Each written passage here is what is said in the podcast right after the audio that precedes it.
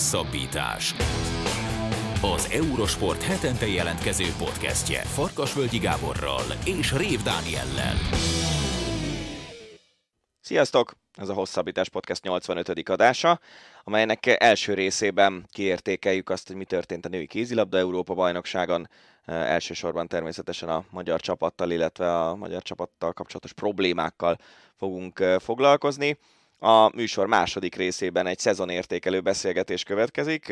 A vendégünk Tokics Tomi volt, aki múlt héten fociról, VB-be beszélt nekünk, de egyébként ő amellett, hogy fociban nagyon benne van, amellett óriási MotoGP rajongó is, és éppen ezért a MotoGP szezont is vele értékeltük ki. Az Ácsi rovatban pedig elsősorban a labdarúgó hírek dominálnak, főleg ugye a világbajnoksággal kapcsolatban. Beszélgettünk természetesen arról is, hogy Szoboszlai Dominik lett a magyar válogatott csapatkapitánya, hogy elbúcsúzott Zsuzsák Balázs, illetve szintén magyar érdekeltségű sporthír, hogy Ambros Martin távozik a Győri Etó kispadjáról a szezon végén. Úgyhogy ezek a legfontosabb híreink, jó szórakozást kívánunk az eheti podcasthez. Kézilabda. Sok mindennek nem örülhettünk az Európa-bajnoksággal kapcsolatban, maximum annak, hogy Hujber Katrin bekerült a, a torna álomcsapatába. Az elvét a norvégok nyerték, a dánok ellen 27-25-re, izgalmas csatában a dánok sokáig vezettek, de hát a norvégok akkor vezettek, amikor kellett a legvégén, és 9. EB aranyukat nyerték. Ami nekem feltűnt a tornával kapcsolatban, és ezt sok helyen olvastam is, meg azt hazudnék, ha azt mondanám, hogy azért minden meccset néztem, mert nem, de bele-bele kapcsolgattam, hogy nagyon kevés néző volt. Leszámítva a montenegróiak meccseit. Ja, okay. Lényegében ez a kitétel, azt azért mindenképpen meg kell említeni. Ugye, ahogy ezt a felvezetőben is beszéltük, most először fordult elő, hogy három rendező rendezte az Európa-bajnokságot, és hát Szlovéniában ugye Celjei csarnok az nagyjából egy 5000-es csarnok, ott ha nem is volt teltház a szlovénok csoportmeccsein, de azért voltak szép számmal, az, az úgy rendben volt. Montenegróban, Podgoricában egészen szenzációs hangulatok voltak, és aztán amikor a montenegrói csapat tovább ment előbb Skopjéba a középdöntőre, és aztán Ljubljanába a torna végső stádiumába, oda is rengeteg montenegrói szurkoló elkísérte őket, úgyhogy a montenegróiak összes meccsén nagyon jó hangulat volt, de egyébként igen, nagyon kevés néző volt, és ezt állítólag a helyszínen azért elég sok ország meg is jegyezte, például a németek, hogy, hogy talán olyan helyszíneket kéne találni ezeknek a tornáknak, ahol komolyabb érdeklődés is van, és azt nekem különösen szomorú volt látni, hogy a magyar csapat meccseire mennyire kevesen mentek el, főleg azt figyelembe véve, hogy mondjuk a, az ugyanitt Jubjanában rendezett második vonalbeli divízió és jégkorong világbajnokságon májusban mennyivel többen voltak. Persze nyugodtan mondhatjuk, és igaz is, hogy májusban még egy kicsit más világban éltünk. Talán többeknek fért bele egy akár egy-két napos jubjanai kirándulás, mint most, de, de ettől függetlenül azért tényleg bántóan kevesen voltak a magyar csapat meccsein. De ez minek tudható be? Nyilván a gazdasági megszorításoknak? Szerintem a, a, sokan az elejére... Talán eredményeknek? Hát figyelj, ez olyan, hogy szerintem azért a magyar ö, válogatottaknak bármilyen sportról legyen szó, ami népszerű sport, ö, ott azért van egy olyan szurkolóbázis, ami, ami szinte mindig kitart a, a csapat mellett, az eredményektől függetlenül. Én, én inkább ilyen tényleg több, több tényezőre ö, vezetném vissza. Egyrészt, hogy az elején a tornának a csapat elég gyenge játékot mutatott, emiatt lehet, hogy sokan, akik mondjuk a középdöntőre mentek volna, azt mondták, hogy már pedig ezért én nem megyek eljubjanáig mert a csoportkörben még egy viszonylag normális nézőmennyiség, egy pár száz magyar szurkoló azért volt valószínűleg a, az emberek anyagi helyzete, meg minden ilyen egyéb dolog is, ami, ami manapság nehezíti az életünket, az belejátszott ebbe, de ez, ez csak vélemény, nem, nem tényekkel nem lehet itt megerősíteni, mert nem is nagyon hiszem, hogy kutatást fognak majd, vagy ilyen közvéleménykutatást csinálni, hogy miért nem ment a magyar kézilabda szurkoló el szurkolni a magyar válogatottnak. Fussuk le a kötelező köröket, beszéljük ki a döntőt, beszéljük ki a győztest. Norvégia 9. EB aranyát nyerte, a, elképesztő módon dominálják ezt a sportágat női vonalon. Mi kell ahhoz, hogy hogy legyőzzék a norvégokat. Miért ilyen jók ők? Aztán majd rátérünk nyilván a kevésbé örömteli dolgokra, és, és kibeszéljük a magyar válogatottat is, de tudjuk le most itt a kötelező dolgokat.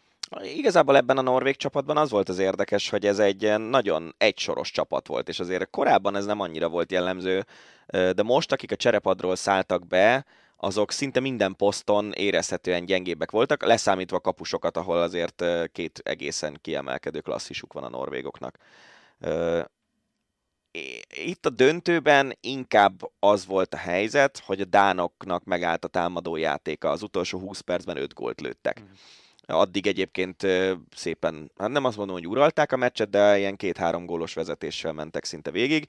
Beállt a kapuba Katrine Lunde, akiről hát gondolom nem kell senkinek bemutatót tartani. Legutóbb az olimpiai negyed döntőben döntötte el a norvégok javára a mieink elleni egymás elleni meccset. Azt hiszem, hogy most már 41 vagy 42 éves, tehát hogy kifejezetten idősnek számít, de még mindig abszolút a világ legjobb kapusai közé tartozik.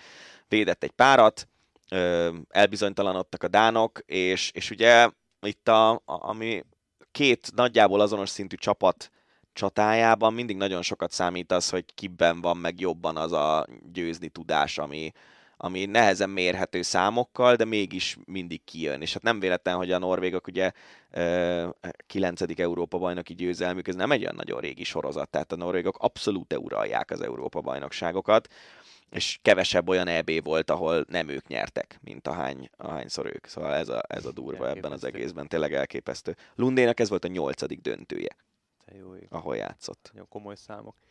Na hát a 11. hely is egy komoly szám, csak sajnos negatív előjellel. Négy vereség, ez a magyarok szereplése. Elmaradtunk, vagy elmaradtak a lányok az előzetes célkitűzéstől, ezt nem tudták érvényesíteni és hát, hát amiket olvastam így a készülgetés során, meg így a, a mérkőzések után, hát nagyon komolyan leszették a lányokról a keresztvizet. Azért beléjük szállt Mucsai Lajos, be, beléjük szállt a két alelnök, Pálinger, Katalin és Kirchner Erika is. De hogy értékelni ezt a szereplést? Jobbat vártál? Tehát te gondolod, hogy a, a célkitűzést azt, azt teljesíteni fogják a lányok? én azt mondtam szerintem a felvezetőnkben is, hogy ez egy teljesíthető célkitűzés.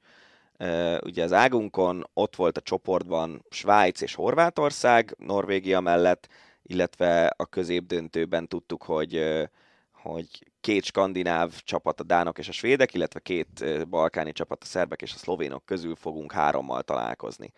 És én azt mondtam a, a felvezetőben is, hogy ez a nyolcadik hely, ez összejöhet, hogyha a horvátokat legyőzzük a csoportkörben, és aztán még a három mm, nem azt mondom, hogy velünk egy szinten lévő csapat, mert azért a dánok csak döntőbe jutottak, a svédek az olimpián egészen kiemelkedően játszottak, de, de egyik sem legyőzhetetlen számunkra, a Dán meg a svéd csapat, meg a szlovén-szerb páros közül végül a szlovénok jutottak be a középdöntőbe, szóval ebből a háromból egyet kell megverni a horvátokon kívül, csak hát a horvátok ellen nem nyertünk, és ugye itt kezdődött a probléma, és innentől kezdve nagyjából be volt árazva az, hogy, hogy mi milyen szintet képviselünk ezen az EB-n. Ugye a végén még a szlovénokat sikerült legyőzni, és így lettünk 11-ek, ami a válogatott történetének a második legrosszabb szereplése. Egyedül a 2016-os EB-n amikor Kim Rasmussennek volt az első tornája bemutatkozó szövetségi kapitányként, akkor 12-ek lettünk ugyanebben a lebonyolításban. Úgyhogy nyilván számszerűen ez nem jó, de hát amiről beszéltünk a, a torna felvezetésében is, hogy itt azon fog múlni a magyar csapat eredményessége, hogy a fiatalok közül ki az, aki mondjuk a klubjában ennél alacsonyabb szinten mutatott játékát magasabb szintre is át tudja vinni, és erre az lett a válasz, hogy nem nagyon sokan. Igen, valahogy ezt mondta a két alelnök közül Kirchner Erika is, aki idézem a kezdősorunknak a jobb szélső kivételével a cseresornak kéne lennie. Um, jobb átlövő, nem? Hát lehet. De ugye Kluiber, a, aki All-Star lett, bár egyébként Kluiber All-Star csapattagsága az inkább egy ilyen diplomáciai siker, vagy nem tudom pontosan, hogy itt, itt szavazni is lehetett a különböző posztokon, tehát lehet, hogy sok magyar szavazott.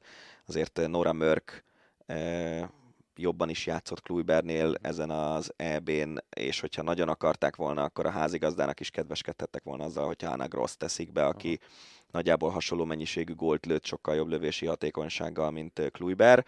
Kluiber ezt az EB-t, úgyhogy ő a kezdő hetes lövője is a magyar válogatottnak, 51%-os lövési hatékonysággal ö, zárta le, ami egy iszonyú, iszonyú alacsony szám, viszont rengeteg lövése volt. Tehát, hogyha megnézzük azt, hogy a, a top 10 góllövő közül ki hány lövésből szerezte a góljait, akkor Kluiber a második legtöbb lövést eresztette el e közül a 10 játékos közül. Nora Mörk, aki megnyerte 50 lőtt góllal a góllövő listát, és lőtt 64 lövést ezen az EB-n, ez egy majdnem 80%-os statisztika.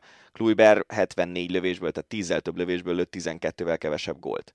Uh-huh. Így jön ki az 51%. Úgyhogy tény, hogy Kluiber kiemelkedett fölfelé így is a magyar csapatból, és az is tény, hogy ennek a 74 lövésnek a nagy része, vagy egy, egy jelentős része, inkább így mondom, az passzív játéknál, kiszorított szögekből, három blokkoló játékos mellett, fölött, között próbált lőni, tehát hogy nagyon sok, ha, ha lenne a kézilabdában is ilyen XG mutató, mint a fociban, várható gólok száma, nagyon sok olyan lövést volt kénytelen ő elvállalni, amit azért ő vállalt el, mert a többiek nem vállaltak. És tényleg szerintem Kluibert nem kell, nem kell bántani ezután az Európa-bajnokság után, mert próbált vezér lenni, ő ugye ezért még egy meglehetősen fiatal ö, játékos, a felnőtt szinthez képest 23 éves, de, de inkább azt mondom, hogy a, ő, ő hozta azt, amire nagyjából számítottunk tőle. A többiek, akik rendszeresen lehetőséget kaptak, ők, ők inkább nyújtottak visszafogott teljesítményt. Ha még itt szemezgetünk így az interjúkban, illetve a, a véleményekben, akkor a számomra szemet ütött és, és elég elgondolkodtatott, hogy azt nyilatkozták itt Pálingerék, hogy a 23-26 éves korosztály szinte hiányzik a magyar válogatottból. Um, illetve az, az idősebbek között is. Igen, az idősebbek között is ugyanez jellemző. Tehát a 23-26 is hiányzik, a 27-30 is. De a, abban az időszakban ö, voltak súlyos ö, deficitek az utánpótlás nevelést illetően, mert ezek a korosztályok nagy részt a férfi válogatottakból is ö, hiányoznak, vagy legalábbis nem sikerült olyan szintű játékosokat kinevelni, mint amilyenek úgy tűnik, hogy a, az ennél fiatalabbokból lesznek, vagy már most. Mert ugye Kluiber is 23, Márton Gréta, aki azért szintén elég jól játszott, ő is ez a 98-99-es korosztály, amelyik junior világbajnok lett Úgyhogy ez, ez inkább még, a, még azt mondom, hogy a jelenlegi TAO pénzek által fölpumpált kézilabda előtti rendszer terméke, hogy uh, itt kimaradtak korosztályok, de hát az is biztos, hogy azért voltak nagyon jó korosztályok, például a 93 körüliek, ahol uh, ugye most ebben a válogatottban Debreceni Klivinyi Kinga kifejezetten jól teljesített, aki uh, miután férjhez ment uh, egy gyermeknek adott életet, és utána most került vissza a csapatba, és, és tényleg látszott, hogy főleg ahogy önbizalmat szerzett a, a torna során, egyre jobban és jobban játszott. Úgyhogy van egy-két játékos az idősebb korosztályokból, de az biztos, hogy a, nem nagyon van más olyan csapat, vagy nem nagyon van más olyan top csapat, hogyha még ide soroljuk magunkat, amely ennyire fiatal játékosokra alapozott, mint a magyar válogatott ezen az EB-n azt is felróták a csapattal szemben, hogy elmarad a nemzetközi trendtől az erőállapot, illetve az álló képesség terén a csapat, hogy 80%-a a válogatottnak ebben a tekintetben alul teljesített, és hogy itt az edzettségi állapottal vannak a gondok, keveset edzenek ki, és a szerint a játékosok. Te ezzel egyetértesz? Le, az biztos, hogy van ilyen probléma, tehát ezt ne ö, tegyük mellé. Engem mindig az idegesít, ö, és ez most egy abszolút személyes vélemény lesz, amikor tornák nem sikerülnek jól, és azok az emberek, akik egyébként egész évben döntési pozícióban vannak, uh-huh. azok az emberek kezdenek el ilyen dolgokat fölhozni. Mert nem decemberben, vagy november, jelen esetben novemberben kellene azon morfondírozni, hogy miért gyengébb a magyar játékosok edzettségi állapota, hanem augusztusban. Oké, okay, de nem lehet, hogy itt pont az a gond, hogy egy kicsit megvezet bennünket a, a, a klub kézilabda? Tehát, hogy a klub csapataink azért sikeresek, gondolok itt mondjuk a Győrre, Fradira, stb.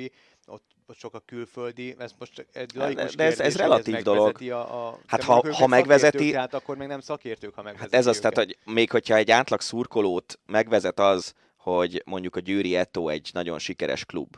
Mert azért a Ferencvárosnál évek óta mindig az a cél, hogy jussunk végre be egyszer a Final Four-ba, amit ugye nem tudom hány éve Budapesten rendeznek, mióta létezik. Tök jó lenne végre egy olyan Final Four most már a nagy, majdnem 20 ezeres csarnokban, ahol a Ferencváros 20 ezer szurkolója buzdítja a csapatot. Tehát az egy nagyon jó hangulatú esemény lehetne, de nem tudnak eljutni idáig ők azok, akik a két nagy magyar klub közül magyar játékosokra alapozzák a csapatot, de azért ott is most már a meghatározó játékosok, Kluibert, Mártont, egy-két, egy-két embert leszámítva, inkább külföldiek. És onnantól lefelé meg azért nem lehet azt mondani, hogy olyan őrült nagy sikereket érnének el a magyar klubok, amikor a siófokot iszonyatos pénzből föl tőkésítették, és nagyjából egy ilyen mini győrt csináltak belőle, abban az évben ugye nyertek Európa Ligát, ami a második számú sorozat, és egyébként meg a, a magyar női klubok, teszem azt Vác, Debrecen, Siófok, tehát a második vonal, most épp a Moson Magyaróvár, azért nem lehet azt mondani, hogy rommá nyerik magukat nemzetközi szinten, pedig ők nem a bajnokok ligájában játszanak. Úgyhogy ha ez a klub, klubok, bizonyos klubok sikerei megvezetik a, az embereket, az, az valamilyen szinten érthető, de egy szint fölött viszont már az nem érthető egyáltalán. Volt egy olyan felvetés, hogy nyá- példát kéne venni a skandináv csapatokról, és nyáron kellene az erőállapoton dolgozni. Hát, Tehát... Nem, ezt mondtam az előbb szó szerint, hogy augusztusban kell az erőállapottal foglalkozni. De akkor mi van, akkor szünet van? Nem, nem, alapoznak a csapatok, felvetés? csak akkor ezek szerint nem elég jól. Uh-huh. Egyébként ez, ez, ez visszatérő probléma, meg ez rendszeres probléma. Tehát azért hogyha megnézed a magyar játékosokat, most nem akarok neveket mondani, meg, meg ez egyáltalán nem ne úgy hangozom, mint egy ilyen body shaming, uh-huh. mert, mert nem erről van szó, de hogyha megnézed a magyar játékosokat, sok magyar játékosnál látszik a mezen keresztül, hogy ott azért van egy kis poci, Uh, míg mondjuk egy norvég válogatottnál ilyen brutális, kidolgozott izomzatú játékosok játszanak. Dánoknál Detto, tehát uh, szerintem, hogyha csak valaki mondjuk követ 10 skandináv kézilabdázót az Instagramon, meg tíz magyart, akkor azért látszik, hogy van különbség igenis. Ö, őszintén szólva nem tudom, hogy ezen miért nem változtatnak, legalább a kluboknál. Azt látom, hogy, hogy bizonyos helyeken kifejezetten nagy hangsúlyt fektetnek erre, ö, máshol kevésbé, de, de mondom, én nem hiszem, hogy az Európa-bajnokság után kellene a szövetség alelnökének erőnlétről beszélnie, hanem ez egy olyan dolog, ami tényleg csak akarat kérdése. És mit gondolsz a korábbi szövetségi kapitány Mocsai Lajos hozzászólásához, aki tragédiaként apostrofálta ezt az EB szereplést, valamint azt is mondta a Sport TV podcastjében vagy műsorában, hogy ha fontosnak tartják a visszatérését, akkor megfontolja. Hát öm, szerintem a, ez megint inkább személyes vélemény, de szerintem Mocsai Lajosnak az alapkoncepciói azok nagyon idejét múltak már és, és nagyon sok esetben pont ezek az alapkoncepciók köszönnek vissza néha válogatási elveken, meg játékosok fejlődésén, és, és ez is része a problémának, tehát én nem gondolnám azt, hogy Mocsai Lajos bármilyen szinten megoldás lehet most. Azzal együtt, hogy például torna managementben ő mindig is nagyon kiemelkedőket nyújtott, mindig tudta, hogy melyek azok a meccsek, amiket meg kell nyerni, hogy a végén az egy jó szereplés legyen.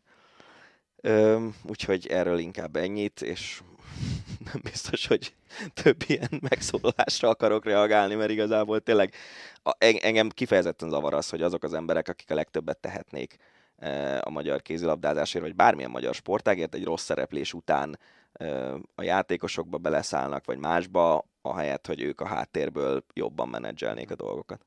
Hogyha egy picit ilyen szakmai szemmel nézed a, a szereplést, akkor akkor vannak például hiányposztok, amire, amire Abszolút. mondjuk nevelni kéne játékosokat, és az utánpótlásban rá kéne feküdni? Én azt mondom, hogy hogy nem lehet, nem lehet hosszú távon úgy gondolkozni, hogy most éppen hiányposzt mondjuk a balátlövő ezen az Európa-bajnokságon, akkor koncentráljunk arra, hogy a jövőben balátlövőket neveljünk. Igazából ez az egész ugye arról kellene, hogy szóljon, hogy megvan mind, a ké, női kézilabda aztán klasszikusan 160 pár centisen is tudsz klasszis kézilabdázó lenni, meg majdnem két méteresen is tudsz klasszis kézilabdázó lenni. Tehát majd, hogy nem minden testalkattal. Sőt, még azt mondom, hogyha valaki nem vékony izmos, hanem van rajta akár súlyfölösleg, nézzük meg mondjuk Dragana Cvicet, szer beállót, aki mindig is volt súlyfölösleg, de beállóban az, az is tud működni. Tehát a kézilabda azért jó sportág, mert szinte mindenki testalkattól függetlenül tud magas szinten játszani, hogyha tehetséges, meg hogyha van mögötte akarat, meg szorgalom. Úgyhogy én nem gondolom azt, hogy itt a posztra neveléssel van probléma, most egész egyszerűen úgy jött ki a lépés, hogy a balátlövő posztunk ürült ki teljesen. Ugye ott játszott a torna elején még Kácsor Gréta kezdőként, de ő nem volt se bátor, se a, amikor éppen próbálkozott, akkor nem nagyon jöttek össze neki a dolgok. Utána a legalább bátor, de sokszor eléggé rossz hatékonysággal lövő Kucora Csenge játszott sokat balátlövőben. Debreceni Klivinyi, akit említettem, ő is hol balátlövőben, hol irányítóban játszott, tehát inkább a- akkor működött jól a csapatjátéka, amikor egy ilyen viszonylag alacsony szerkezetű, dinamikus, sok mozgásos belső hármas volt a pályán. Tehát például évek óta nem volt igazán kiemelkedő beállója a magyar válogatottnak, most egyébként nekem az egyik kellemes színfoltja ennek a csapatnak az Füzitó Vizi Petra volt, aki egyrészt szép dolgokat is csinált beállóban, másrészt pedig úgy tűnt, hogy egy ilyen egyfajta szellemi vezérszerepet is föl tudott venni. De hát tényleg voltak olyan meccsek, amikor mondjuk Győri Lukács, aki azért a válogatottban egy-két gyengébb tornától eltekintve évek óta stabil, ő is gyengébben játszott mond, nem, nem is feltétlenül arra vezetném vissza a sikertelenséget, hogy egy-egy játékos formán alul teljesített, hanem leginkább szerintem az volt itt a probléma, hogy ennek a keretnek nem volt egy ilyen X-faktor játékosa, aki a fontos pillanatokban viszonylag egyszerűen tud gólt lőni. És az összes többi nagy csapatnak, hogyha megnézzük, akkor voltak ilyen játékosok. És, és szerintem ez az, ami hiányzott elsősorban például mondjuk a szlovénoknál is ott volt egy Anagros, aki, hogyha gond volt, akkor fölugrott és belőtte.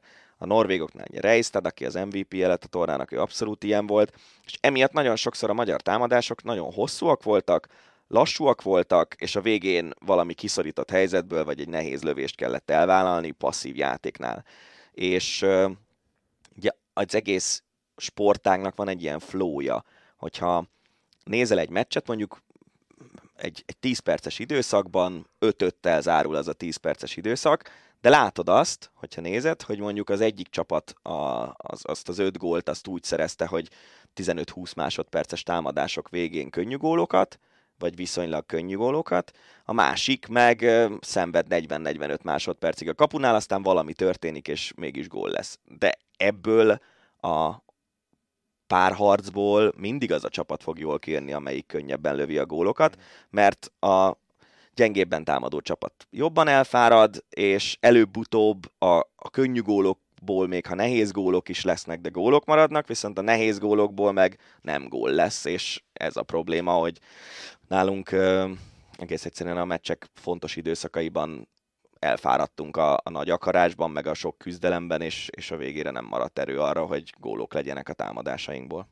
Időnk sincs már olyan nagyon sok, a, amely rendelkezésünkre áll, úgyhogy egy, még egy gondolat erejéig a világbajnoki selejtezőkkel kapcsolatban mi a véleményed? Mi kell oda, hogy sikeresen megvívjuk a selejtezőt? Hú, most jót kérdeztél, mert elfelejtettem, hogy melyik nálunk jó vagy. Izlandal játszunk. Izlandal igen, igen, igen, igen hát ezt meg kell tudni nyerni. Izland egy jóval gyengébb csapat, mint a magyar válogatott női szinten. Az biztos, hogy gyorsan fognak játszani, úgyhogy ha be, belekerülünk egy ilyen rohanós játékba, hogy gólit gólot, ha. akkor abból rosszul is jöhetünk ki, de játéktudásban ez egy, ez egy jóval gyengébb csapat, tehát itt elvileg kötelező a továbbjutás. Nem szabad, hogy gondot okozzon. Motorsportok. Na, ahogy ígértük a műsor második felében, összefoglaljuk a MotoGP 2022-es idényét, ebben az Eurosport kommentátor és a téma szakértője Tokis Tamás lesz a segítségünkre. Szia Tomi, köszönjük szépen, hogy elfogadtad a meghívásunkat. Én köszönöm, hogy gondoltatok rám. Sziasztok, és üdvözlöm a hallgatókat. Vágjunk bele rögtön a sűrűjébe, mert hogy egy elég átfogó témát kell most itt összefoglalnunk. Volt már olyan a MotoGP történetében, hogy valaki 91 pontos hátrányból világbajnoki címet nyer a király kategóriában? Ugye erről volt szó az idei bajnokságban. Egy olyan versenyző nyerte Francesco Banája személyében a MotoGP király kategóriáját, aki hát elég visszafogottan kezdte az idényt, viszont a Hollandia után, ahogy így néztem az idény második felében, valami egészen döbbenetes sorozatot produkált. Tehát volt már ilyen, hogy ekkora hátányból, ilyen tetemes hátányból valaki be tudta húzni a VB címet? Nem, ekkora hátrányból még soha senki nem tudta behúzni a király kategóriás világbajnoki címet. Ha jól emlékszem, és, és, és nem csal az emlékezetem, akkor talán 47 pont volt a legnagyobb hátrány, amit le tudott dolgozni egy versenyző, és úgy lett világbajnok. Mondhatnám azt, hogy példátlan volt, amit Francesco Bagnaia végigvitt itt a szezon második felében. Egyrészt egy az első fél évet nézve egy nagyon erős Fabio Quartararo, Aleix Espargaro párost kellett ebben legyőznie, viszont hogyha azt nézzük, mert a tavaly, tavalyi év végén ugye 6-ból 4 versenyt nyert, és hogyha nem esik ki a San Marinoi versenyen, akkor akár világbajnoki lehetett volna már a, a 2021-es évben is. Francesco Bagni, illetve hát a tényleg a bajnokság legerősebb gépével rendelkezik a, az olasz versenyző, hiszen a Ducati. Olyan fejlesztési, meg olyan innovációs előnyökben van a többi gyártóval szemben, hogy azt, azt, azt nagyon nehezen, nehezen lehet lemérni igazából, és ezt a, ezt a hatalmas előnyt láthattuk a szezon második felében, amikor előfordult olyan egy időmérő edzésen, hogy az első 8, 8 versenyzőből 7 Ducati volt például, Szóval Bányai egy teljesen megérdemelt világbajnoki címet szerzett, ilyen nagyon kettős volt valóban az idénye, hol elesett, hol nyert, és a második felében a szezonnak inkább azért a, a győzelem volt a jellemző az ő teljesítményére. Beszéljünk egy kicsit akkor erről a technikai részéről a dolognak, hiszen azt hát a Forma egyben, meg az autósportokban sokkal inkább talán megszoktuk, hogy bizonyos gyártók kiemelkednek, bizonyos csapatok erősebbek, és az lényegében meg is határozza azt, hogy mi a végkimenetele egy, egy versenyzői világbajnokságnak a MotoGP-ben. Egyrészt ez mennyire jellemző, másrészt miért tudott a Ducati ennyire kiemelkedni, ahogy ezt korábban is mondtad? Igazából mind a két kérdésre egy ember neve a válasz, Gigi Dalinyáé, a Ducati technikai igazgatójáért, aki, aki tényleg olyan innovációs megoldásokat hozott a, a MotoGP-ben, mint például a motocrossból ismert összeültető rendszer, ez, a, ez az első teng, vagy ilyen, ilyen tengely összeültető rendszer, ami igazából a rajtoknál segít a versenyzőnek, hiszen hogyha minél közelebb hozzák az aszfalthoz a motornak a tömeg középpontját, akkor sokkal stabilabban tudnak elrajtolni, nem, nem emelkedik meg annyira a motor eleje. Ugye nagyon sokszor látjuk azt, hogy elemelkedik a, motor a rajtot követően, ez azért van, mert nem egyenlő a súlyeloszlás. Na most egy első összeültető rendszerrel ezt el tudták kérni, hogy a Ducatik sokkal gyorsabban tudjanak reagálni a rajtoknál, mert az előző idényben volt az, hogy Jorge Martin a 14. helyről a Katari évad nyitón fejött a negyedik helyig az első kanyar előtt. Aztán ezt a megoldást nyilván átvették a többiek, akkor a Ducatin kezdtek meg először megjelenni ilyen szárnyak, most már tényleg Szerintem, hogyha valaki nagyon régen nézett MotoGP-t, akkor rá se ismer ezekre a motorokra, mert mindenhonnan szányról lóg róluk különböző aerodinamikai elemek. Most a legújabb ez a Pokémon szárny, amit a, a hátsó részén az ülés mögött láthatnak majd a, a, a motorokon. Ez ugye ilyen, hát igen, ilyen lég, légáramlást elősegítő elemek, ami mondjuk a végsebességnél tudnak segíteni, emellett talán a motor stabilitásában is tudnak segíteni. A Ducati mindig is élen járt ebben Gigi Dalinyának köszönhetően, és igazából folyamatosan lekoppintották őket a, a, a társak és most már nem lehet azt mondani, hogy van yamaha pálya, meg van honda pálya, meg van nem tudom milyen pálya, hanem igazából a Ducati minden egyes pályán képes nagyon jó eredményt elérni, többek között ezeknek a megoldásoknak köszönhetően. Ha már említetted itt a ducati pályát, yamaha pályát, honda pályát, tehát honda pályáról nem igazán lehet beszélni, hogy a Honda ugye a konstruktőrök versenyben az utolsó helyen zárt, úgyhogy ilyen a modern érában soha nem fordult elő, hogy ez a nagy múltú gyár, ez, ez ilyen rosszul szerepeljen ráadásul egy árva versenyt sem nyertek. Ez sem fordult még elő soha a modern MotoGP-ben. Mi, le, mi az oka ennek, hogy, hogy a Hondának ilyen, ilyen cefet rosszul ment? Vagy megy? Ez Gondolom, egy, ez, ez egy komplex kérdéskör, komplex kérdéskör, mert ugye a Honda elmúlt az elmúlt években igazából uralta ezt a sportágot. Ha megnézzük az elmúlt évtizedet, ugye Mark Marquez révén itt, itt szereztek hat világbajnoki címet a király kategóriában, viszont pont Mark Marquez személye az, ami igazából meggátolja a Hondát az előrelépésben, hiszen itt egy versenyzőben gondolkozott a japán gyártó nagyon sokáig, Márquez stílusára építették meg a Hondát. Most Márqueznek eleve van egy nagyon különleges stílusa, ami szerintem egyedülálló. Ez um, miben merül ki ez a stílus? Márquez nagyon szereti a határokat feszegetni, ő, őt nagyon sokszor látjuk, hogy ilyen, ilyen, ilyen videókon lassítják, hogyan ment meg egy bukás, térd, vál, könyök módszerei vannak erre, és, és egy rendkívül bevállaló stílust akar. Nyilván ez bukásokkal jár, meg ez azzal járt, hogy 2020-ban eltörte a felkarját, ami amit igazából ebben a szezonban sikerült orvosolni neki a, a doktoroknak. Um, és a Honda is erre próbált. Tehát a Hondának nem volt túlságosan jó motorja az elmúlt 4-5 szezonban, viszont Márkeznek volt egy zsenialitása, ami, amire tudtak alapozni.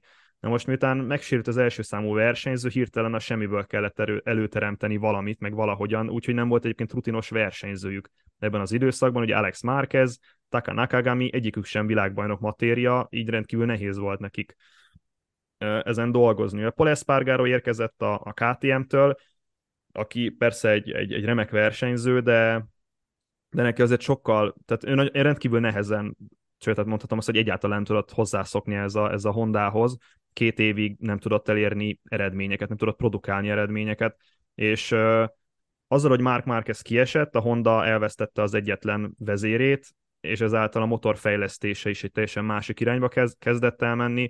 Uh, valóban nem nyertek idén versenyt, és ha nincsen Mark Marquez, akkor csak egyetlen árva dobogós helyezésük lenne, még a szezon első futamán Paul Espargaro lett harmadik Katarban, ezt leszámítva nem tudtak volna dobogorálni a Honda versenyző, és mondanám, ez nem csak a Hondára igaz egyébként, hanem a Yamahára is, tehát top 10-es helyezésben Quartararon és már ezen kívül nem tudnak reménykedni ezek a versenyzők, hiszen folyamatosan a vertmezőnyben találjuk őket. Talán a, a, a Yamahának nem volt olyan versenyzője Quartararon kívül, aki Q2-es szereplést tudott volna összehozni a szezon első 18 futamán. Szóval nehéz, nehéz az, amikor az, arról beszélünk, hogy vannak egy versenyzős gyártók, akik egy versenyzőre koncentrálnak, csak amikor ez az egy versenyző kiesik, akkor, akkor utána akkor a távolság van a következő legjobb versenyző, meg, meg mondjuk Mark Marquez között, hogy ez, ez egy ilyen szezonban ö, csúcsosodik ki.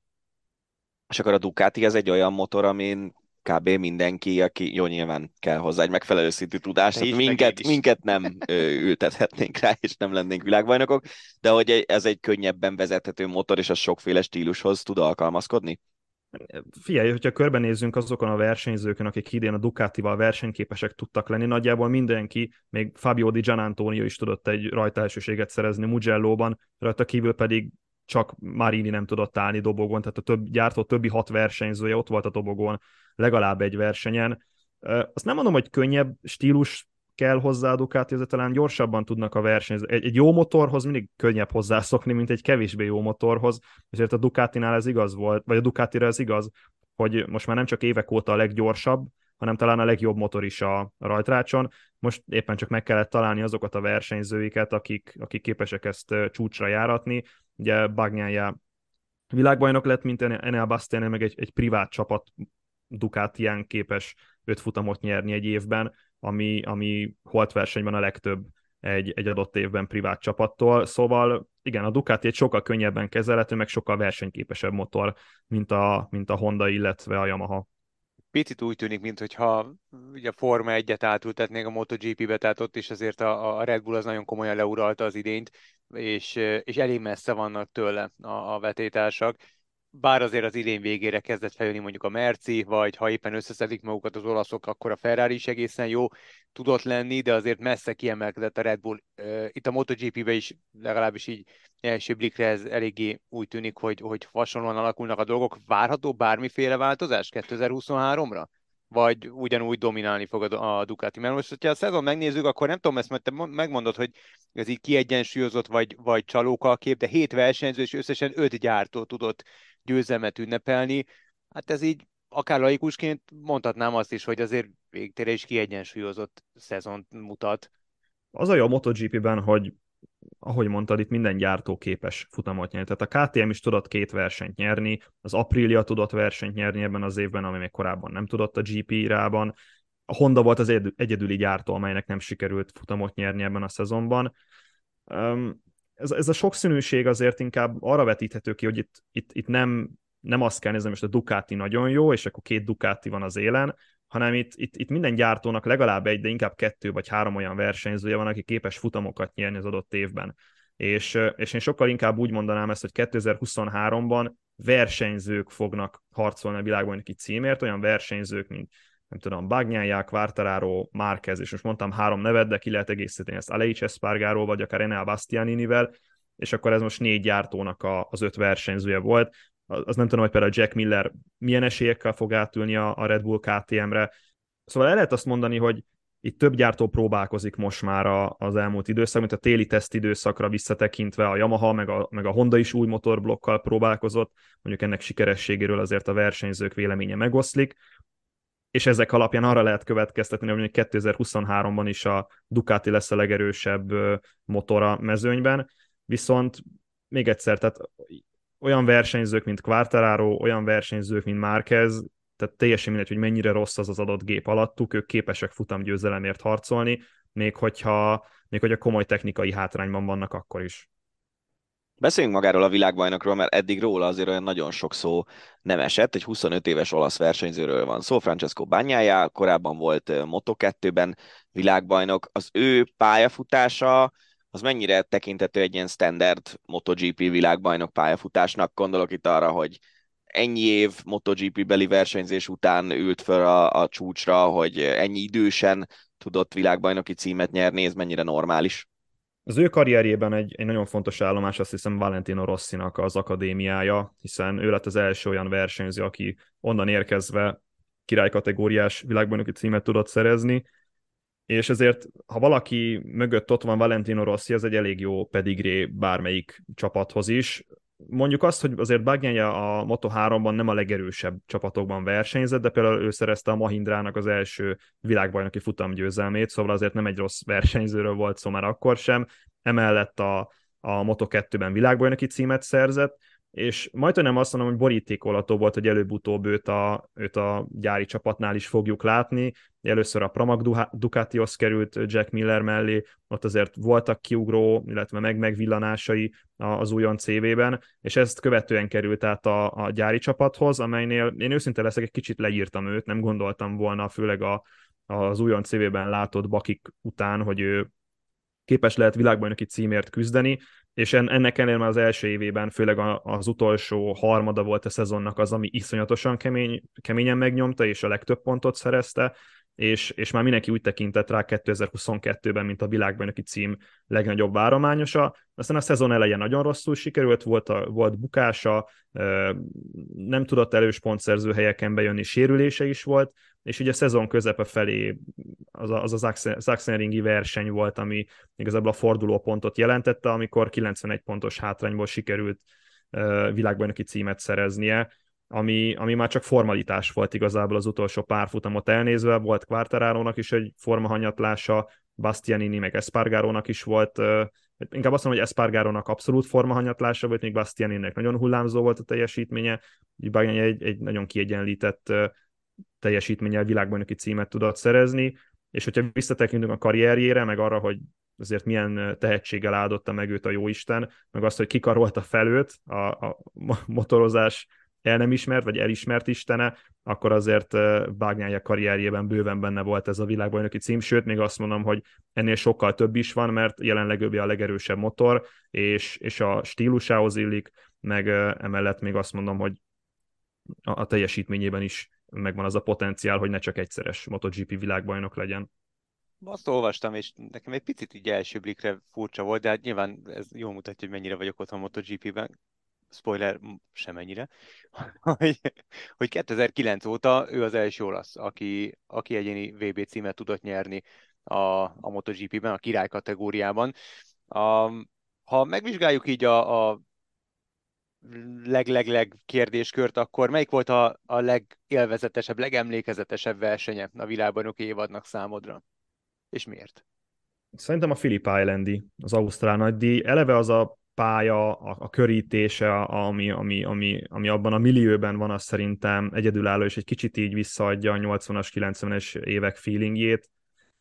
Alex Rins nyert a Suzuki-val. Ezt tudni kell, hogy a Suzuki a szezon közben bejelentette, vagy inkább azt mondom, a szezon elején bejelentette, hogy 2022-vel kivonul a, motor, a gyorsasági motoros világbajnokságról, és 2023-ban már nem lesz ott a rajtrács, hanem azért érdekes, mert volt egy ilyen szerződés, amiben elvileg a Dornával megegyeztek, hogy legalább 2024-ig maradni fognak a vers, maradni fognak a bajnokságban, illetve nem csak, hogy kettő, de négy motorral fognak rendelkezni, és ez egy olyan uh, szolid középső újmutatás volt Alex Rins-től, hogy azért itt van a Suzuki, és képes lenne ilyen eredményeket elérni. Mark Marquez parádés formában versenyzett azon a futamon, Francesco Bagnaia szinte végigvezetett, mégis harmadik lett ott, szóval egy, egy nyílcsisakos verseny volt az utolsó pillanatig, 5-6 versenyző ott volt a, a győzelemért csatában, de, de tényleg nagyon sok olyan futam volt, ami emlékezetes maradt, vagy egy előzés miatt, vagy egy, vagy egy nagy felzárkózás miatt, például Assen,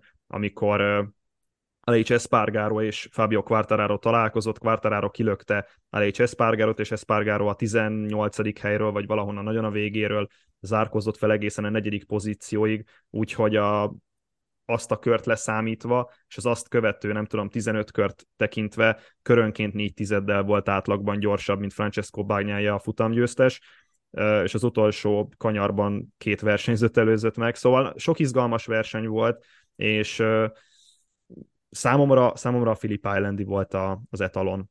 Még leg-leg-leg kérdésed van esetleg, Faga? Egy csomó. Akkor menjenek ezek. Jó, az idény felfedezettje.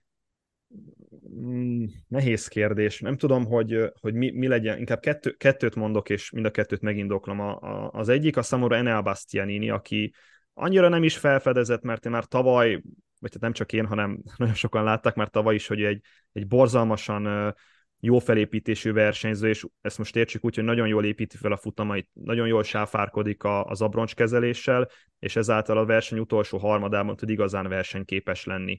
Enel Bastiani ebben a szezonban előre lépett, nagyon sokáig esélyes volt a világbajnoki címre, és tudott futam győzelmeket szerezni. Ennek eredménye az lett, hogy előléptették, és jövőre már a gyári csapatban fog versenyezni Francesco Bányája mellett, és elnézve egy-két futamot ebben a szezonban azért a két tudás egy csártában mondás az, az, az igaz lehet erre a párosításra.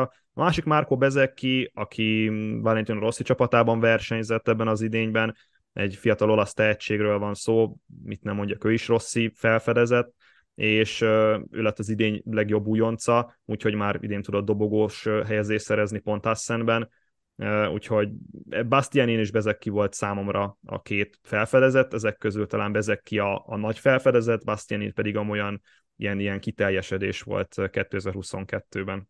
Ki az idény bástya szerinted? Ki a, ki, kiben csalódtál a leginkább? Ki az, aki, aki a vártak ellenére a leggyengébb teljesítményt nyújtotta?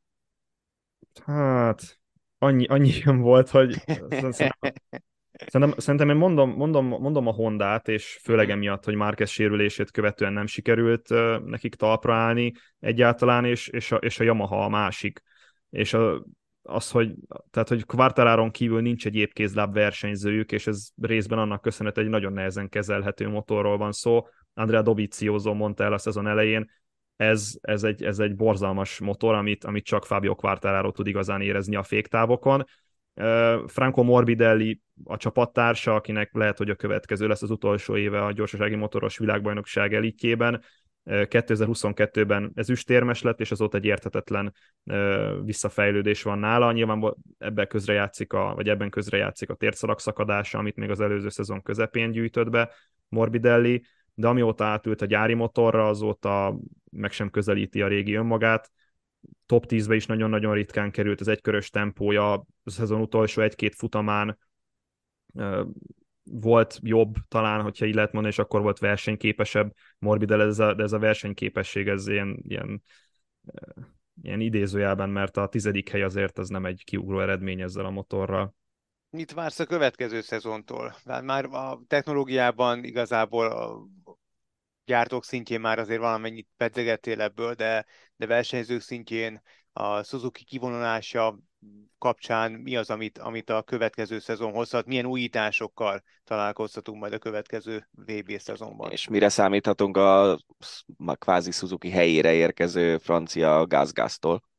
Hát azért nem feltétlenül a Suzuki helyére érkezik. Hát jó, a úgy értem, hogy egy, egy gyártó kivonul, érkezik helyett egy másik.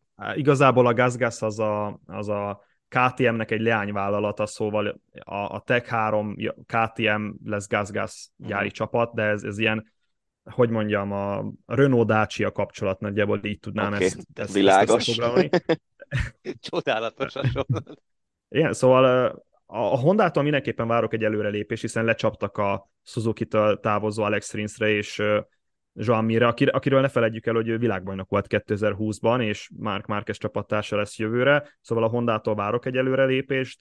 A Yamaha-nál nem tudom, ugye két motorral maradnak, hiszen a, a, a szatellit csapatuk az most már apríliával fog menni az RNF, oda is átigazolt Miguel Oliveira, aki ezt azonban mégiscsak nyert két futamot. Sok izgalmas, sok izgalmas versenyző lesz a következő idényben. Hogy újításokkal kapcsolatban, én már nem tudom, hogy mit lehet újítani, mert én azt gondoltam a szárnyak, meg ez az összeültető rendszer, ez már egy akkora újítás, ami, amit nem lehet megfejelni, bár a, az első össze, összeültető rendszert azt, azt betiltják a 2023-tól, nem tudom már mit fognak kitalálni, lehet, hogy Gigi Dalinja, nem tudom, egy oldalmotort fog oda heggeszteni a Ducatira, olyan újításokat fog most már bevetni, nem tudom tényleg. Nekik ez, ez annyira, kell végigmenni. Igen. Annyira hihetetlen, amit, amit képes a, a Ducati technikai igazgatója végigvinni. Szóval 2023 izgalmas lesz, és szerintem a legerősebb 22 versenyző ül majd ezeken a motorokon. Köszönjük szépen, Tomi, hogy elmesélted nekünk mindezt, ami itt a MotoGP 2022-es szezonjában történt, aztán jövőre folytatjuk ugyanitt. Köszönöm szépen a meghívást. Ácsi. A hét legérdekesebb hírei. Zárjuk mai podcast adásunkat szokásunkhoz szűen az Ácsi rovattal, és rögtön egy nagyon öröm, örömteli hír, Taekwondo történelmi siker. Salim Omar Gergely, aki amúgy kétszeres Európa-bajnok és olimpiai ötödik, világbajnokságot nyert az 54 kg-osok versenyében. Ez sporttörténelem Magyarországon még nem volt tékvándóban világbajnokunk, és Mexikóban ráadásul a hazai közönség előtt szereplő César Rodriguezzel csapott össze a döntőben és nyert. Hatalmas gratula természetesen. Így van, és tök jó, hogy tök érdekes egyébként, hogy amennyire ilyen mm, hetero, vagy nem, homogénnek tűnik a magyar társadalom így bőrszínre, vallásra, ha lehet ilyet mondani, bár azért nyilván nagyon sok az olyan ember, aki, aki nem foglalkozik vallási kérdésekkel egyáltalán. A sportcsapataink, meg a sportvilágunkban viszont egészen ilyen multikulturális Há, Magyarország. Megnézzük a válogatottat, ott is ugye német András, egy félig dél-afrikai srác góllal mutatkozott be a, a luxemburgiak ellen, hát jó, lehet, hogy a Liu testvéreket már nem lehet ide sorolni, mint magyar sportolók, de azért eddig azok voltak két szép olimpiával, meg számtalan szép világversennyel, és, és Salimon már is, már ugye az olimpián is kifejezetten úgy Igen. ment, hogy elcsíphet egy érmet, és ez végül nem sikerült neki, de, de nem szerepelt rosszul. Úgyhogy én ennek nagyon örülök. Szoboszai Dominik lett a magyar válogatott csapatkapitánya mindössze 22 esztendősen. Mondom én, nekem ez nem, nekem ez, ne, vagy én, én ezt nem tartom olyan nagyon jó ötletnek. Hozzátéve, hogy valószínűleg megkönnyítette mindenkinek a dolgát ebből a szempontból az, hogy Gulácsi megsérült. Mert uh, szerintem Gulácsi volt a másik olyan játékos, aki igazából szóba jöhetett itt most uh, ebben a kérdéskörben, de nem tudom, nekem ez, ez, ez annyira nem. Azzal együtt, hogy természetesen én is azt gondolom, hogy Szoboszlai ennek a válogatottnak a legjobb játékosa, meg ő az, akiben a legnagyobb ilyen Pot, hát meg az, hogy, hogy ő, ő neki van benne a lábában az, hogy egy rúgással el tud dönteni meccseket, mint ahogy ezt már meg is tette korábban.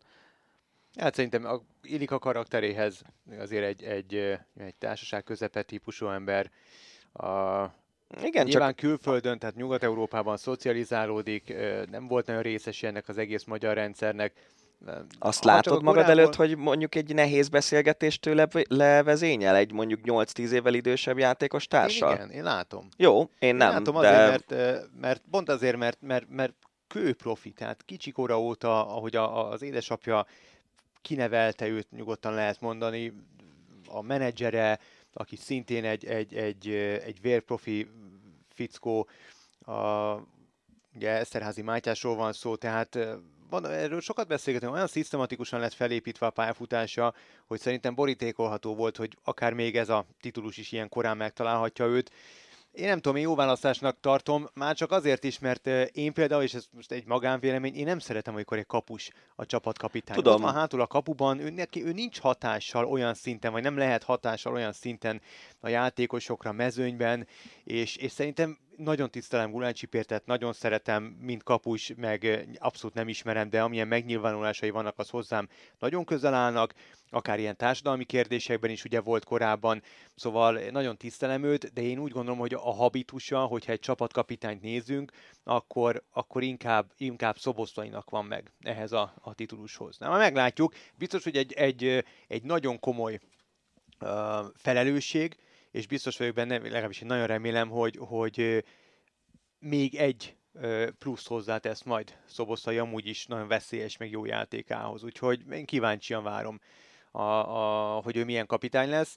Egy volt kapitány viszont elbúcsúzott most a hétvégén, Zsuzsák Balázs a, megkapta a búcsú meccsét, és, és egy elképesztő nagy gála eloldást kapott igazából a szurkolóktól a görögök ellen nyertünk is, ráadásul egy utolsó perces Kalmár szabadrugás góllal. Nagyon vicces volt, hogy Rossi levitte szobosztait a, a szabadrugás előtti, nem tudom, egy percben, és egy olyan helyről kaptuk, ahonnan nyilván 10-ből 10-szer szoboszai végezni el a szabadrugást, és, és én szerintem 10-ből 6-8-szor be is vágná, és olyan érdekes volt, nem tudom, hogy nézted a meccset, vagy láttad-e azt a pillanatot, amikor megkaptuk a szabadrugást. Stiles oda, mert nem megbeszélték, hanem Igen. azt mondta, hogy ez az enyém. és Igen. kész, ott, ott nem volt appelláta, hogy a Stiles arrébb, arrébb baktatott, Be is miközben rúgta, bevágta, miközben stiles is nagyon jó rugó technikája van. Igen, csak a, a, szög az, a szög az inkább jobb lábas szög volt. Igen, igen, igen. De ja, ja, ja. bevágta, és, és itt de ezt nem írtam bele, de ettől függetlenül térjünk ki rá, hogy, hogy ez óriási elégtétel volt Kalmárnak, és nagyon örültem, hogy, hogy, hogy tudott élni ezzel a lehetőséggel. Ugye lemaradt az EB-ről, sokáig volt sérült, elég sokan leírták. Hát aztán... Nagyon csúnya tércelagszakadása volt, igen, ami ugye igen. egy nagyon hosszú rehabilitációt van maga után. É, igen, igen, én is örültem annak, hogy Kalmár ezt így bevágta. A görög kapus az nagyon benézte. Hú, nagyon. Így, ugye egy érdekes volt, mert egyébként úgy indult el a labda, mint hogyha tényleg csavarodva befelé, de aztán nyílegyenesen bement oda, ahonnan a kapus elugrott előtte. Úgyhogy ez vicces volt. Um, egyébként Zsuzsákra visszatérve, itt tényleg inkább az a kérdés, hogy, hogy ha Zsuzsák megérdemelte, már pedig szerintem egy Zsuzsák jellegű, szintű focista, meg a, főleg az a, az a 100 X válogatottság, és tudom mennyi, de direkt így mondom, az megérdemel egy búcsú meccset, de akkor Király Gábor is kaphatott volna egy búcsú meccset, akár ezen a meccsen. Hát őket búcsúztatták. Oké, okay, de így ugye egy, egy olyan meccsen lett ő az egyedüli válogatottsági rekorder, ami egyébként nem járt volna neki a tudása, meg a Rosszival való kapcsolata alapján. Tehát ha, ha nem búcsú meccsre hívja be őt Rossi, akkor nem hívta volna be többször valószínűleg. Ö, és, és így, így lett rekorder. És én azt mondom, hogy akkor lehetett volna az, hogy, hogy akkor Király Gábor is kap egy félidőt, mint ahogy Zsuzsák kapott, ö, akár ezen a meccsen, bár tudom, hogy ő már rég visszavonult, csak mondom, hogy ez nem tetszik ebben a mhm. dologban, hogy így, így egyedüli rekorder lett vagy akár ahogy a végén szappanos beküldte, ami szerintem egy szintén egy nagyon jó kapitányi gesztus, hogy évek óta a harmadik számú kapus, de most az első számú sérült, akkor a harmadik számú egy barátságos meccsen igenis megérdemelhet 5 percet, Abszolút. vagy pár percet. Uh, Igen, hagyhat némi rossz szájízt, értem, értem, amit mondasz. Uh, igen, ezt már, ezt, ezt már kibeszéltünk Igen, ezt már kibeszéltünk. Azt viszont nem, hogy azért a görögök előtti meccsen Luxemburggal sikerült egy egy, egy döntetlent játszanunk, ami egy relatíve gyenge mérkőzés volt, úgyhogy ne is nagyon fecséreljünk arra túl sok szót, az, hát az nem volt egy jó meccs, abszolút. Nem. Viszont megkezdődött a foci világbajnokság, akkor, amikor ezt a podcastet rögzítjük, akkor hétfő van, és itt pont az angol-iráni összecsapás megy, viszont ugye Katar Ecuador ellen megkezdte a világbajnokságot, a házigazda bemutatkozott, egy botrányosan gyenge mérkőzésen. Szerencsére egy percet nem láttam belőle. Kegyetlen volt a második félidő, az, az szinte nézhetetlen volt. 2-0-ra nyertek az ekvádoriak, Valencia két góljával. Hát akkor nem kérdezem meg, hogy mit, mit gondolsz a házigazdák játékáról. Hát de úgy hallom, hogy nincs nekik nagyon játékuk. Kilógta, nem is értem elképesztő. És maradunk még a világbajnokságnál. Ahhoz mit szólsz, hogy az utolsó pillanatban a... eldöntötték, hogy mégsem lehet sörözni, illetve mégsem lehet rózsaszín kapitányi karszalagot viselni. Nem is rózsaszín, nem szivárványszínű, bocsánat, kapitányi karszalagot viselni. Tehát azért voltak itt nagy ígéretek, meg, meg Figyelj, én itt a, az aztán... E- ezt a kettőt ezt külön venném, mert, mert az egyik a, sör kérdés, az ugye attól a pillanattól kezdve, hogy Katar megkapta a, a világbajnokság rendezési jogát, és még például ez ugyanúgy egy, amiről sokszor beszéltünk már itt a, az Ácsiban, egy arab rendezésű, vagy akármilyen iszlám ország által megrendezett olimpiánál is probléma lenne az alkohol kérdése. Az iszlám tiltja az alkoholt, de én emlékszem, én éltem három évet Líbiában kisgyerekként, emlékszem arra, amiket a szüleim meséltek, hogy mit tudom én, ramadánkor megvolt az, hogy mettől meddig nem lehetett tenni, inni, és aztán amikor az a pillanat véget ért, akkor mint hogyha egy ilyen, egy ilyen kánaánba kerültek volna az emberek, és ettek, ittak alkoholt is. Tehát, hogy ott is az van, hogy, hogy ugyanez, ezek a, az arab országok, meg az iszlám vallású országok nagyon sok esetben ugye az színlelik azokat, a, a, színlelik azt, hogy betartják az iszlám követelményeit. És ugyanígy Katarban is nyilván lehet inni, a Skyboxban, meg a VIP, VIP páholyokban ott lehet inni, csak a köznép nem ihat. Ugyanígy ötcsillagos szállodák bárjaiban is lehet inni, Katarban is, meg Dubajban is, meg nem tudom hol. És e, én nekem ez a képmutatás, ez függetlenül attól, hogy most milyen vallás képmutatásáról beszélünk, ezt sose tudtam hova tenni. Hogy hogy, hogy ha vannak emberek, akik hisznek és elfogadják mondjuk a Bibliát, vagy a Koránt, vagy bármilyen ilyen könyvet tanításként, azok hogy veszik maguknak a bátorságot arra, hogy ezek közül csemegézzenek, és eldöntsék azt, hogy, hogy oké, okay, most én ezt elfogadom, ezt a, ezt a tanítást elfogadom, de egy másikat meg nem és, és itt azért ez ugye nagyon erősen kidomborodik. És ráadásul a másik része a dolognak meg az, hogy itt nagyon úgy tűnik, hogy a FIFA-val volt egy megegyezése a katariaknak, hogy igen, lesznek sörsátrak, majd nem lesznek olyan nagyon feltűnők, meg, meg nem tudom, lehet, hogy ugye, mint ahogy az Egyesült Államokban, hogyha egy boltban alkoholt veszel, akkor ott becsomagolva kell lennie annak, a, annak az üvegnek. És és majd valahogy megoldják. De itt nagyon úgy tűnik, hogy egy olyan szponzort, ami kifizetett 75 millió dollárt azért, hogy szponzorálja a FIFA-t meg ezt a VB-t, úgy, ahogy van, átverték a palánkon. És gondolj bele, hogy két nappal előtte, nem tudom, hogy a Budweiser mondjuk mennyi sört szállított már Katarba, ott lehet, hogy ott áll a kikötőben, és a helyszínen lévőknek csak meg kéne lékelni ezt a hajót. De hogy itt, itt azért komoly dolgok történtek, és biztos, hogy itt rengeteg ügyvéd fog jól járni ezzel a sztorival, mert, mert hogy itt pereskedés lesz, az, az majdnem biztos. A karszalak kérdés az szerintem tök más. Az egy alulról, alulról jövő kezdeményezés volt, állítólag ugye ez a nyolc ország, ami ebben részt akart venni, az jelezte a FIFA-nak szeptemberben, és a FIFA nem válaszolt egészen vasárnapig. És... Ez is milyen? Hát, egy ilyen szervezet nem válaszol hónapok. Ez, ez, a, ez a FIFA-nak a 150. legrosszabb cselekménye, amit csináltak az utóbbi 15 évben, tehát mi, mire számítunk tőlük. A, a megnyitót azt láttad, hogy nem. Infantino miket mondott, hogy ő micsoda? A, de ez nem a megnyitó volt, ez egy sajtótájékoztató volt szerintem. Igen, hát ez egy, e, hát, egy, egy, egy, lopott, egy lopott Andrew Cuomo nevű New Yorki, azt hiszem állam kormányzó által korábban elmondott beszédnek volt valamilyen szinten a lopása. Hát igen, Infantino nyilván egy képmutató ember, de egyébként meg, hogy mondjam, tehát ezzel, ezzel, tényleg ezzel a Katari VB-vel sok baj van, itt az utolsó pillanatos átverések azok, amik azért még súlyosbítják a helyzetet. Hát a Grace Note elemző cég szerint Brazília nyeri majd a világbajnokságot, aztán jön szerintük a legnagyobb győzelmi esélye Argentína, az európai válogatottak közül Spanyolország, Hollandia 7% nyersét kap, Belgium 6, Franciaország címvédőként csak 5, a németeket így az elején nem is annyira jegyzik. Szerinted meg az angolokat sem. Meg az angolokat sem. Szerinted ki nyeri a VB-t, mit gondolsz? Hát ez most nem lenne egy olyan tipp, amire így azt mondom, hogy fú, valamiben egyrészt biztos vagyok. Hát de valami tippet csak van. Hát nem tudom. Tehát, hogy Akkor mondd azt, hogy kit szeretnél, meg hogy szerinted ki nyeri. Én, én mióta a Barca ö, nagy generációja átvette a spanyol válogatott fölött az uralmat, én minden tornán a spanyoloknak szurkoltam, úgyhogy valószínűleg most is, most is így lesz, de hát nyilván egyre kevésbé. Ezen kívül szeretem a színes kis csapatokat általában, akik valami különlegeset csinálnak. Például 8 éve Chile meg Kolumbia volt, akik ugye egészen jó dolgokat műveltek. Lesz meglepetés csapat szerinted a vb Biztos mindig van. Mindig van. Uh-huh. Um, nem tudom.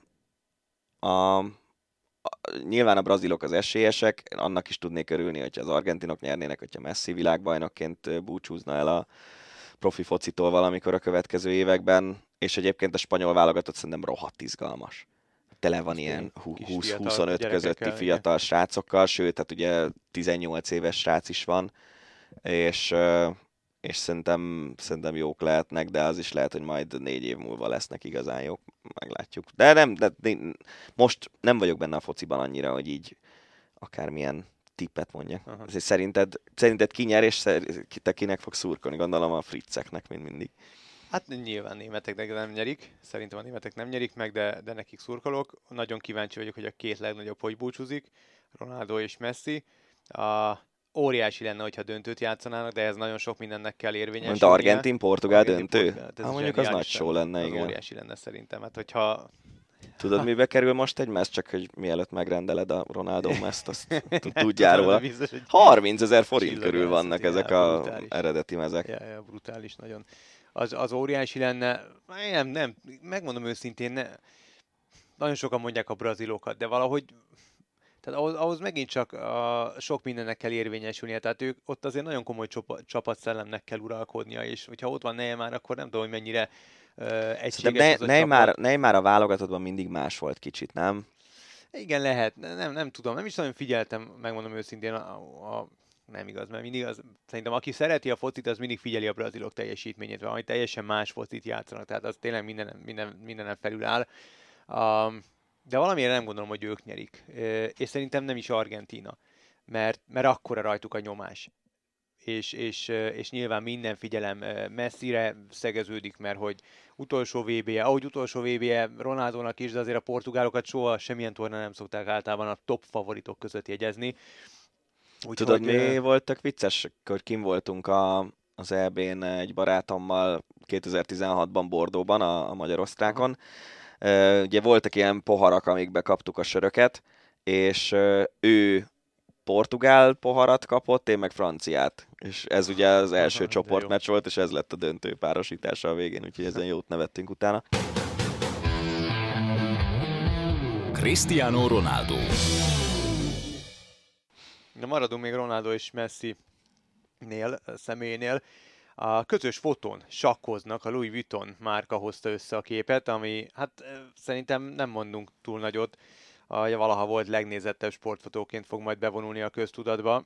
Nyilván mind a két zseni megosztott a saját Instagram oldalán, és hát azért brutális milyen követőtáborral rendelkeznek, ugye már csak ebből kiindulva azért igazán komoly elérése lehet számítani. És ez a fotó érdekesség, hogy lemásolták a Magnus Carlsen Nakamura Hikaru sakmérkőzésnek az állását, és az a csata döntetlennel zárult. Úgyhogy most nyilván itt sok mindent bele lehet látni egy ilyen fotóba, szerintem óriási ötlet, hogy összehozták őket, kettőjüket. És ugye nagyon kevés közös szponzoruk van nekik, mert mindig is a hát, Ronaldo Nike-ban igen. focizott, Messi Adidasban, általában szerintem a csapataik messzponzora is különbözött egymástól, úgyhogy igen, ez, ez egy érdekes dolog, hogy hogy most volt egy közös szponzor, aki összehozta őket. És hát ha már Ronaldo, ugye az az elhíresült interjú, amit már a múlt heti podcast adásban is feszegettünk, ott megkérdezték Messiről, és nagyon szimpatikusan nyilatkozott, és igazából azóta, hogy kikerült a teljes interjú, azóta számomra teljesen más olvasatban került ez az egész sztori. Ott azért nagyon komoly igazságokat feszeget Ronaldo, akár a Manchester United-dal kapcsolatban, akár a a, Tenhággal való kapcsolatával kapcsolatban, és a fiatalokkal kapcsolatban, a, United fiatal játékosaival kapcsolatban. Szóval egy, egy picit, picit más polcra került nálam ez az interjú, és nem lehet feketén-fehéren látni, hogy fú, Ronaldo elárulta a Manchester United-et, ilyet nem csinált egy játékos, nem gondolhatja senki nagyobbnak magát, mint a klub, ezt állítom, hogy nem. De számomra teljesen más. Jó, de, de tényleg ugye nyilván, van ennek nyilván ilyen interjúról, hogyha szó van, akkor mindig először a botrányos részek kerülnek Na ki persze, nyilvánosságra. persze, teljes és azok a részek meghallgatni. viszont azok tényleg botrányosak voltak. Tehát az, hogy Rangnickról mit mondott, hogy Én tartom, hogy Rangnick nem volt odavaló, és egy ilyen embert nem, nem, nem jó, de nem mondod azt, hogy, hogy nem is volt edző, meg ki az a Rangnick az ő múltjával. Tehát érted? Van bunkóság, és van az, hogy szerintem Rangnick nem volt idevaló. Az, az egy másik mondat. Az egy másik mondat. De most a Ronaldo szintjén. Tehát hol, De- hol edző Rangnick mondjuk Mourinhohoz képest? Vagy, vagy, Hát vagy nem nem, tudom. tudom, uh, Ancelottihoz képest, vagy, vagy a nagy öreg Trapattonihoz képest, vagy Oké, okay, Sehol. de akkor is tisztában vagy azzal, hogyha neked ez az életed. nem így adod elő, az tény. És így nem ez az a másik, ab- hogy nem így adod elő. Tehát még hogyha nem is vagy tisztában, basszus, hogyha kineveznek ö, valakit, tök mindegy kit, hogyha Farkasvölgyi Gábort kineveznék a Manchester United edzőjévé, re, rákeresek a Wikipédián, nem? Tehát, hogy Keresetni jó sokat. Szóval e- e- ez a bajom ezzel, hogy, hogy ez a magas polcról lenézünk kategóriáját nagyon súlyosan kimeríti. És szerintem, még ha te Cristiano Ronaldo is vagy, akkor is ennél azért több alázat kell. Van benne valami, de, de a másik oldalban is van szerintem. A, az biztos, hogy egy nagyon komoly pernek néz elébe Cristiano Ronaldo, mert ö, hírlik, hogy ö, a United egyrészt fel akarja bontani a portugál szerződését, ö, meg be is perelni szerződésszegés miatt. Ugye az ilyen szerződésekben, az ilyen mamut szerződésekben ezen a szinten benne van, hogy, hogy de lehet, hogy alacsonyabb szinten is, hogy nem árthatsz a klub hírnevének. Hát ő azért egy picit ártott a United hírnevének Elég egy sokat. kicsit rossz színben tüntette fel a klubot, akár van ezekben igazság, akár nincsen, úgyhogy ennek a sztorinak még azért... Hoppá! Bocs. Irán- Irán az angol-irán szépített. mérkőzést, és akkora gólt lőtt Irán, hogy majdnem leestem a székről. 4-1 ebben a pillanatban. Um, na szóval, hogy Ja, tehát hogy a- a- az az interjú azért egy picit károsította a, a, a United imázsát. Megyünk tovább, mert nem ragadhatunk le itt a focinál folyamatosan. Hát egy nagyon komoly hír, ami az eurosport.hu jelent meg, tartom legelőször, és aztán átvette egy pár magyar oldal.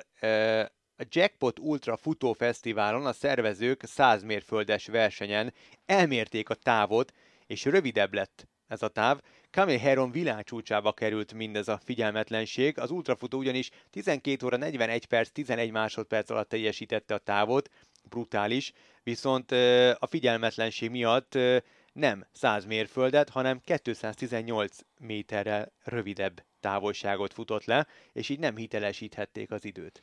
És egyébként világcsúcs lett volna, akkor is, ha ott van az a 218 Azt hiszem, méter, igen. ez, ez, ez az, az, amit nem tudok. Azt hiszem, igen. Hát ez én, szerintem éveken keresztül az volt, hogy a, az ilyen körülbelül 280 méter hosszú Károlyi kertbeli futópályát, ahol mi a gimi alatt a Cooper teszteket futottuk, azt 300 méterként számolták el az egyszerűség kedvéért, és ezért nekem mindig nagyon jó futó teljesítmények jöttek ki. Um, ja, hát figyelj. Ilyenek vannak. Szegény. Szörnyű. Ja. A, az időjárás is szörnyű volt a tengeren túlon. Detroitban játszotta le bajnoki mérkőzést a Cleveland Browns és a Buffalo Bills, ugyanis Buffalo-t beterítette a hó, de a stadiont szó szerint eltüntette a hó. Brutális képeket lehetett látni az interneten Buffalo-ról és a stadionról. Ugye az amerikai futballstadionok többnyire nyitott stadionok, tradíció szerint, teljesen mindegy, hogy ez most éppen Clevelandben van, vagy Buffalo-ban, vagy olyan, olyan ö, térségben, ahol, ahol nagyon kemény teleket ö, szoktak általában um, megülni. Úgyhogy ugye elmentek Detroitba, és, ö, és ott kapott ki eléggé a Cleveland, úgyhogy ennyi. A Detroiti sztori ugye az az érdekes, hogy az, az is hát nincs is nagyon messze Buffalo-tól, persze amerikai szinten. Hát, ja, igen.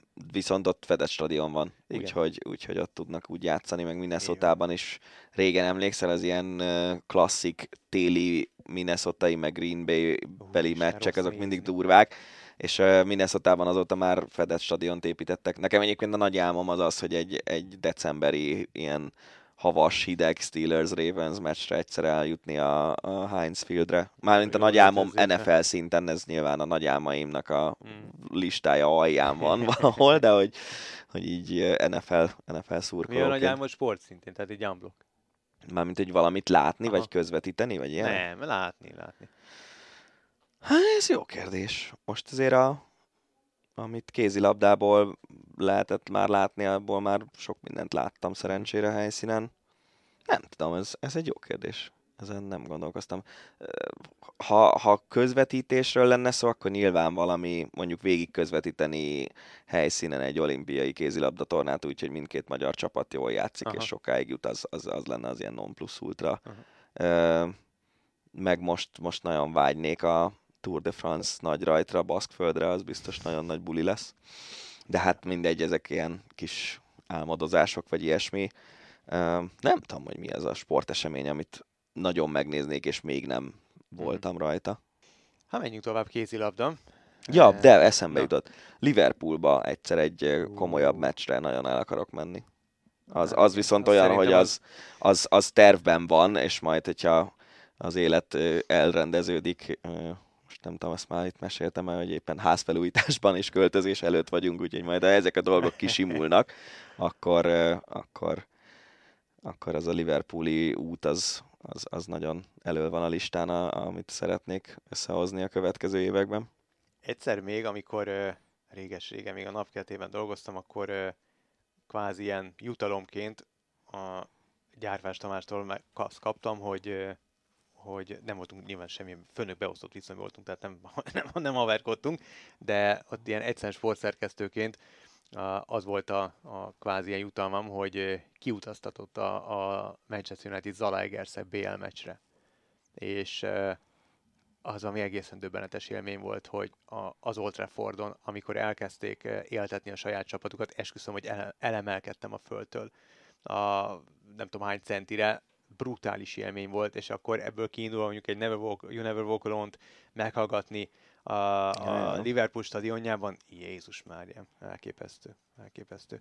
Na, kézilabda, Ambrose Martin az idény végén távozik Győrből, Ácsi ez vagy sem. Hát, annyira nem mondom, hogy nagyon meglepett, de, de egyébként azért viszonylag, vagy nem tudom, tehát végülis, hogy egyszer már elment Győrből, most is azt mondta, hogy új kihívásokra van szüksége, új kihívásokat keres, inkább az lesz az érdekes, hogy ki jön helyette, mert nem valószínű, hogy magyar edző fog leülni a kispadra még egyszer. tenisz, mert ehhez a kézilabda hírezően nagyon nem tudok hozzászólni. Szóval Novák Djokovic indulhat az Australian Open-en, megkapta a zöld lámpát, az ausztrál bevándorlási miniszter bejelentette, hogy lehetőséget és ideiglenes vízumot ad majd, hát a igényel. Novák Djokovicnak nyilván minden bizonyal igényelni is fog, hiszen kilencszer már megnyerte ezt a tornát, a kedvenc tornája Djokovicnak, és ugye emlékeztetünk, hogy ugye nem volt hajlandó beoltatni magát, és ezért nem utazhatott be, vagyis hát ő beutazott Ausztráliába, Csak aztán mehetett és, haza. Így van, és e- eredetileg három évre az országból is kitiltották.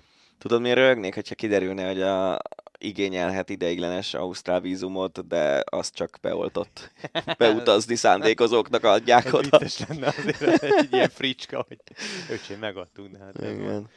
Na és akkor végül egy kerékpárhír, uh, az Euro Kométát elhagyva a cseh át, vagy ATT Investments ATT. kerékpár csapatában folytatja pályafutását Dina Marci. Ennek örülünk, ez jó, vagy rossz, vagy Hát figyelj, mm, Marcinak szerintem elsősorban a saját fejével, meg az önbizalmával vannak problémái, mert egyébként látjuk, hogy a top napjain ő, ha nem is Walter Attila szintű teljesítményekre képes, de, de közel van hozzá. Én azt gondolom, hogy hogyha ez a cseh kontinentális csapat ez, ez összejön, ez, ez a kisebb kelet, főleg ugye kelet-európai ilyen 2.1-es versenyeken fog ez a csapat indulni, ami az a szint, ahol a Tour de Hongrie volt idénig, eh, szintlépés előtt. Ha ezeken a versenyeken Marci összetett aspirációkkal indul, és ö, jól tud teljesíteni, akkor jó eséllyel akár jövő év végén megint elviheti egy, egy egyel magasabb szintű csapat. Szerintem lehetősége lesz, állítólag a felszerelése ennek a csapatnak ahhoz képest, hogy harmadik szintű, ez az nagyon rendben van. Én nagyon szurkolok Marcinak, mert egyébként egy halál jó fej, tényleg egy nagyon szimpatikus srác.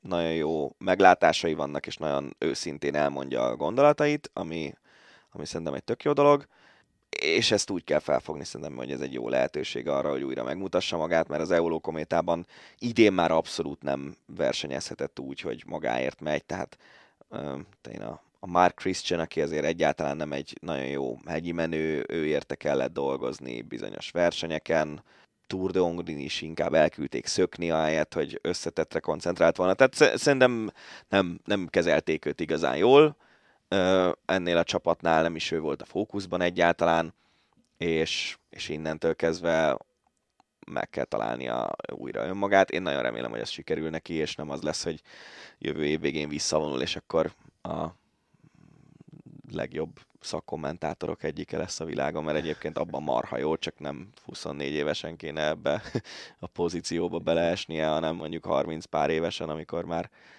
több több verseny van mögötte. Úgyhogy én, én erre azt mondom, hogy ez egy lehetőség, és nagyon szurkolok Marcinak. Ezzel nem vagy egyedül, viszont itt most vége szakad az Ácsinak, illetve az eheti podcastnek. Köszönjük szépen, hogy ezen a héten is meghallgattok bennünket. Jövünk jövő héten is, addig is nézzetek sok VB meccset, szurkoljatok kedvenceiteknek. Hát megnézzétek az eurosport.hu-t, ahol kiváló élő közvetítésekkel is várunk titeket. Meg egy csomó minden mással. Köszi szépen, Sziasztok, Révdanit és Farkas vagy Gábor hallottátok. Ez volt a Hosszabbítás, az Eurosport podcastje. A műsor témáiról bővebben is olvashattok honlapunkon az eurosport.hu.